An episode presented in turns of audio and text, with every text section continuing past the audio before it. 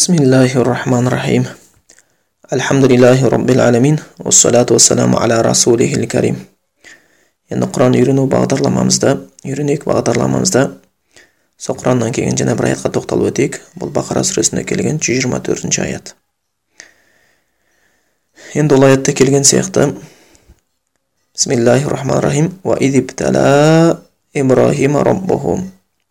Сынады Ибрахимді Раббысы оның бикалиматин бір сөздерменен фәәтәммахун ибраһим ол сынақтарды толық атқарып шықты қала инни жаилука линнаси имама аллах тағала айтты ибраһимға мен сені адамдарға имам етем қала омин зуррияти ибраһим алейхисалам айтты менің ұрпағымнан ше қала ла залимин аллах тағала айтты менің уәдем залымдарға жетпейді яғни оларды қамтымайды енді бұл аятқа кішігірім түсіндірме беріп өтіп кетейік жалпы бұл аят мағынасы көптеген тақырыптарды қамтиды өте терең біз енді сол жердегі кішігірім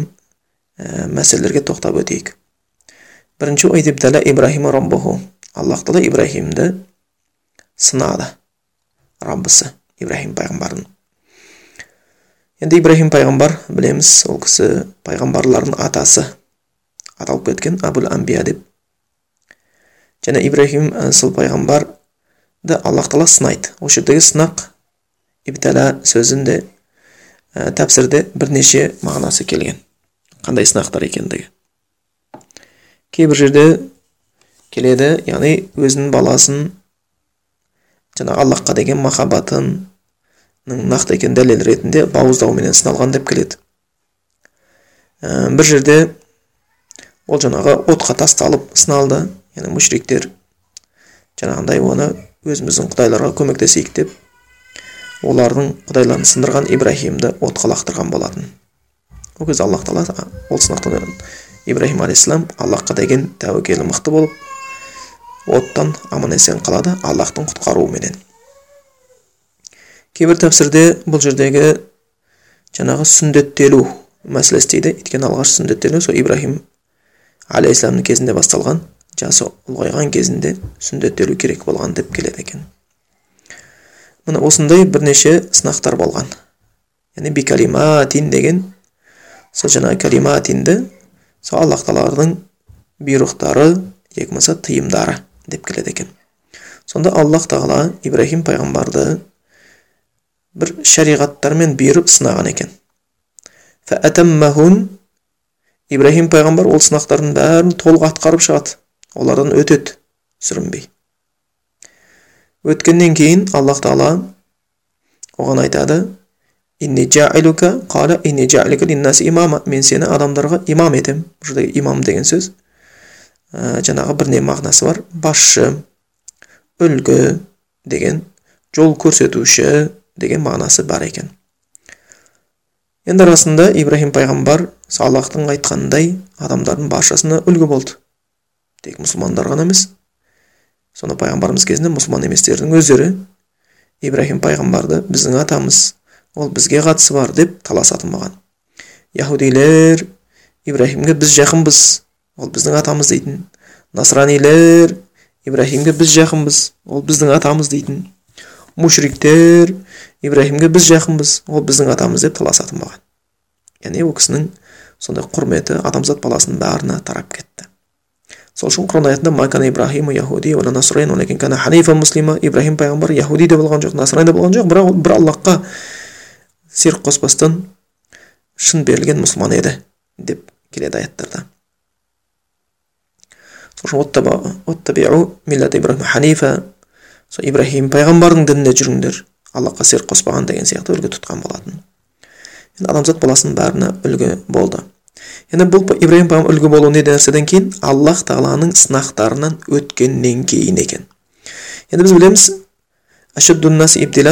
деп келеді. Сынақтардың ең үлкені көретін пайғамбарлар одан кейін сол жаңағы әулиелер одан кейін соларға ұқсағысы келгендер хадисте келген сияқты. Бірақ ә, енді әрбір мұсылман сынақтан өткеніне қарай дәрежеге ие болады екен. Адам баласы иман келтіргеннен кейін сыналмай қалып қоймайды. Алла құранның көптеген аятында сынайтынын айтып кеткен. Біз сендерді сондай бір жамандықпен де жақсылықпен де сынаймыз деген аяттар бар. Яки болмаса құран аятында келген сияқты адамдардың иман келтірдіктен кейін сыналмай қалдырып қоямыз деп ойлай ма? деген сияқты аяттар бар. Яғни міндетті түрде сынақтар болады екен. Және сынақ адамның әркімнің өзінің иманына қарай болады. Сол сынақтан өткеннен кейін дәрежесі де көтеріліп отырады. Оған беретін құрмет те жаңағындай артықша болады екен. Сынақтан өтпесе оның дәрежесі де өте қоймайды көтеріле қоймайды оның құрметі де көтеріле қоймайды екен. Енді бұл өмірге келгеннен кейін аллах тағала біз бір нәрселерге бұйырады барша құлдарын соны істеу керек сол кезде сабырлық тарту керек. Бір нәрседен тыяды одан тыйылу керек. Сол нәрседе де сабырлық көрсетіп адам барласы сынақтан өтуге тырысу керек. Егер олар өте алмай қалса адам баласының дәрежесі түсіп қалады екен. Міне ибраһим пайғамбар аллахтың бұйрықтарын толық атқарып өткен болатын. Және ибраһим пайғамбардың ә, біз айтып кеттік сол пайғамбарлардың атасы аталып кетті. Ә, және де ибраһим пайғамбардың бір несі халилулла аллахтың халилі ә, сүйіктісі деген атқа ие болды. Енді жаңағы халил деген өзі жақсы көрушісі сүйіктісі деген мағына береді бірақ ол халил деген сөз одан да жоғары негізі. Аллахқа өте жақын ә, болған кісі болып табылады екен. Енді ол кісі шынымен де өзінің аллахқа деген махаббатын аллах тағаланы бүкіл адамзат баласынан өзінің туған баласынан да артық жақсы көретіндігін дәлелдеп шыққан пайғамбар болып табылатын еді. Сол сынақтардан өткеннен кейін аллах тағала соған қарай оның дәрежесін көтерді. Бүкіл адамзат баласына не қылды? Имам қылды үлгі қылды. Жол көрсетуші қылып қойды. Енді аллах тағала ибраһим пайғамбарға осындай бір сынақтан өткеннен кейін сый нәсіп еткеннен кейін ибраһим пайғамбар аллахтан және сұрады. Аллах тағала менің ұрпағымнан ше деп сұрады бұл жерден көретініміз әрбір тақуа әрбір иманы кәміл адам өзінің иманын дұрыстауға талпынғаннан кейін және де бала шағасының иманды болуына талпыныс жасайды екен өйткені кімде кімнің баласы яки қызы мұсылманшылықта болса онда ол адам өзінің баласымен қызымен бірге жәннатта да бірге болуға үміті артады екен. Яғни ұрпағымен бірге болуға. Ал енді егер бұл дүниеде бала шаға алла сақтасын иманда болмаса исламда болмаса ол дүниеде бірге болуы мүмкін емес болып қалады. Онда ол бала шаға уақытша ғана бір қызық болып қалады. Бұл дүниеде бар ол дүниеде жоқ болады және алла сақтасын тозаққа түсіп жатқан болса оның қайырлы іс емес екенін білеміз. Нұх пайғамбар да оның баласы болды төрт баласы болды төрт баласының біреусі жаңағы кинан иманға келмеді ә, сол топан су болған айтын топан суға ағып кеткен кезде ибраһим жаңағы нұх пайғамбарға бұл ауыр тиді баласы иманға келмеген ауыр тиді оны суға батып өткен өлген емес оның иманға келмей кеткені қатты ауыр тиді енді оның суға батып өлген ар жағында тозаққа тозақтың отына жанатындығы білгеннен кейін нұх пайғамбар шыдай алмай бауыры езіліп өзінің баласына ә, жаңа ол менің балам еді мен әхли деп аллахқа дұғалай бастаған. Сонда аллах тағаладан хабар келген болатын мен әхлик ол сенің балаң емес деп айтты. Алла сақтасын егер кімде кім кәпір күйінде өтіп кететін болса ол тозаққа тастатын болатын болса ол балалар әке шешелеріне ілеспейді екен. Керісінше кімде кімнің әке шешесі кәпір күйде өтіп кететін болатын болса бала шаға мұсылман болатын болса олар ертең жәннаттағы айтқанда балаларына қосыла алмайды екен. Сонда бұл жерден көретініміз шын мұсылман адам иманның дәмін білгеннен кейін исламның хақтығын білгеннен кейін сол өзімен шектеліп қалмастан бірден сол нәрсені өзінің ұрпағына да тілеуге қатты талпыну керек екен.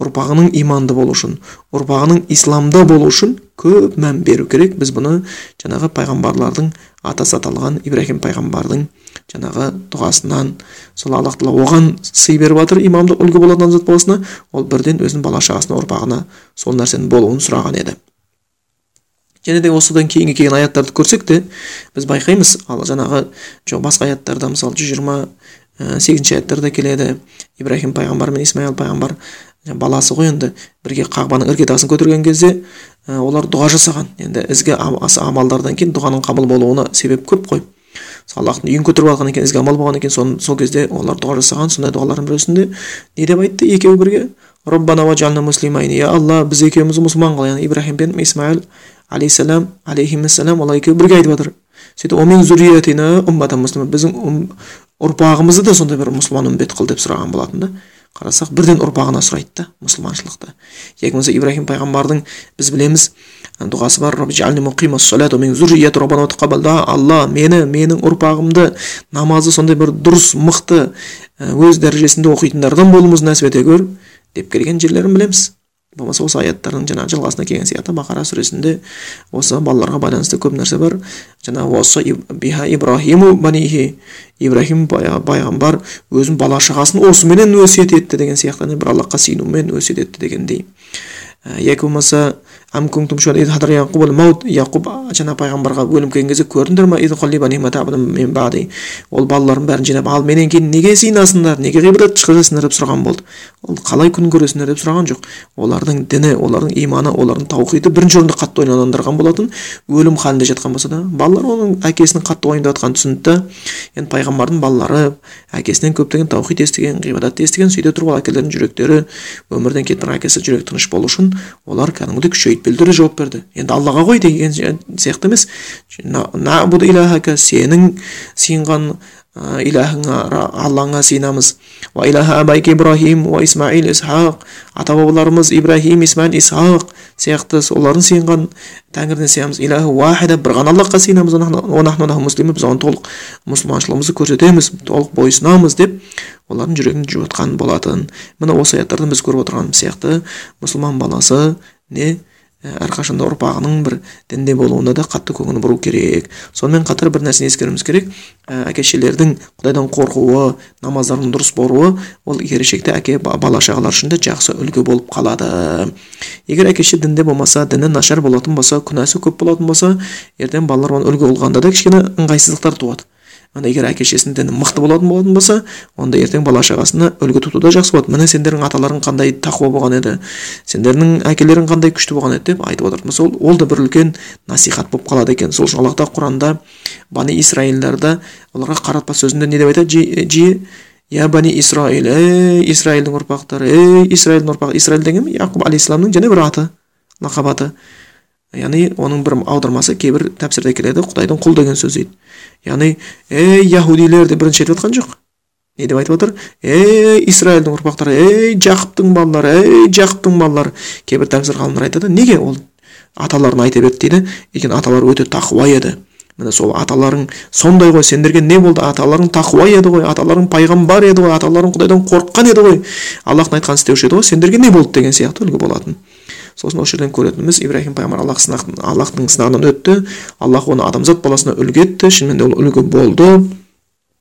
Ә, жаңағыдай сондай өз ұрпағына сондай бір ізгілікті сұраған еді. Бір ал, аллах тағала айтты.